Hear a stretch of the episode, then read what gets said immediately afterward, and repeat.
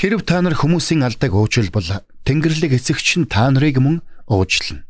Матай 6-гийн 14. Мэргэний сонсог мэдлэгэд хэлэг. Ухаалаг нь мэрэгэн өдрөмжийг мөн авг. Доктор Харалт цаалогийн мэрэгэн зөвлөмж нэвтрүүлэг.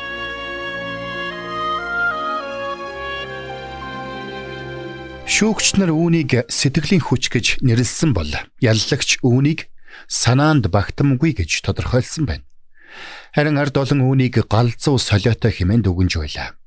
Гимт хэргийн хохирогч болсон 70 настай хөгшин Мэж Род хар тамхинд мансуурсан үед өөрлөөн дайрч хутгаар хоолойг нь зүсэж хүчрхийлсэн эрийг уучлсан тухай сонсоод хүмүүс ийм хариу үйлдэл үзүүлсэн. Мэж Родда сүмд орган хөгжим тоглодог байжээ. Гэмт хэрэг гарсан өглөө үүрээр мэж сүм рүүгээ явж байжээ. Тэгээд тэр өглөөний цай уухаар нэгэн жижигхэн цайны газарт цаадсан байна. Гэтэл түүн лөө хар тамхинд мансуурсан байсан нэгэн эр халдаснаар энэ аимшигтай хэрэг үйлдэгдэжээ. Энэ бүхний эцэст тэр залууг үзен ядах хангалттай шалтгаан мэж Родод байсан. Түүний оронд байсан хэн ч ялгаагүй. Түүнийг үзен ядах байсан.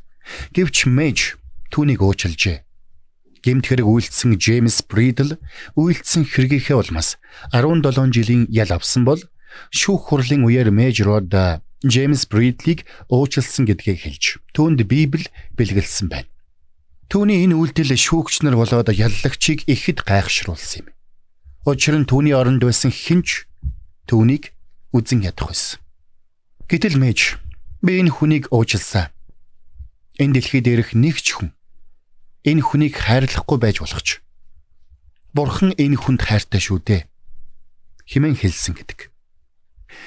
Мэж хэдийгээр сүмдээ орган хөгжим тоглодог байсан ч зөвхөн хөгжим тоглоо зогсохгүй. Тэнд тунхаглагдж буй номлолуудыг сонсдог байсан нь илэрхий байна.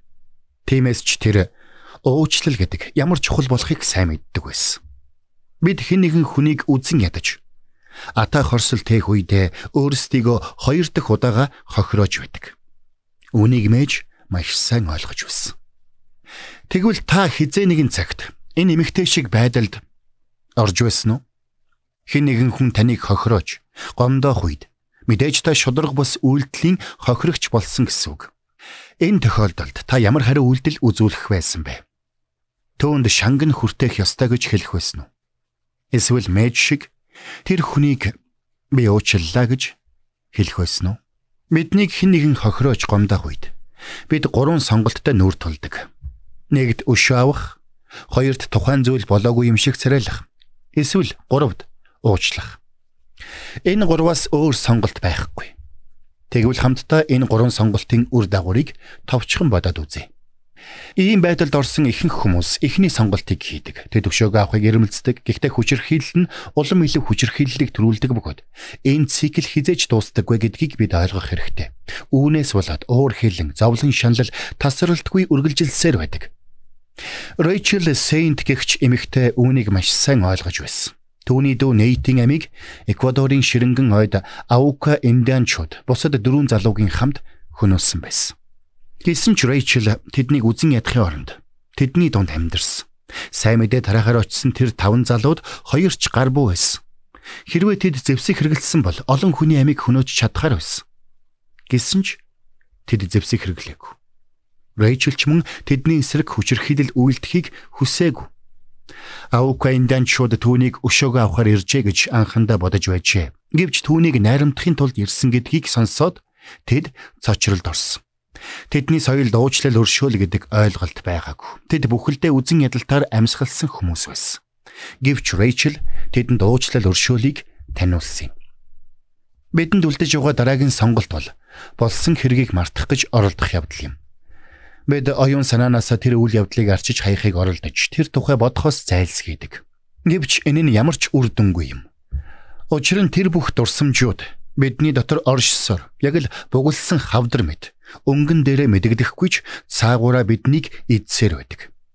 Тэгэн тэгсээр нэг л өдөр галт уул мэт дэлбэрч үүнээс ч илүү ноцтой үр дагаврыг авчирдаг.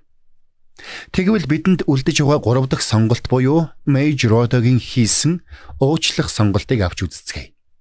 Бид яагаад хэн нэгнийг уучлах ёстой вэ? Энгийнээр хэлэхэд танд бурхны уучлал хэрэгтэй бол та ч бас бусдыг уучлах хэрэгтэй юм.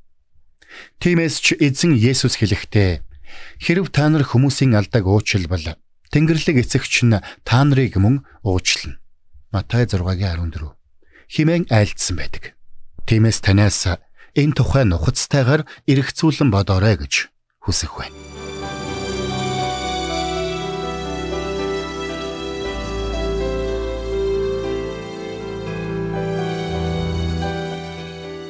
Мэргэн нэгнийг дагуул мэргэн, мулгуутай нөхөрлөл хорлол. Доктор Харалт цайлигийн мэрэгэн зөвлөмж нэвтрүүлэг танд хүрэлээ.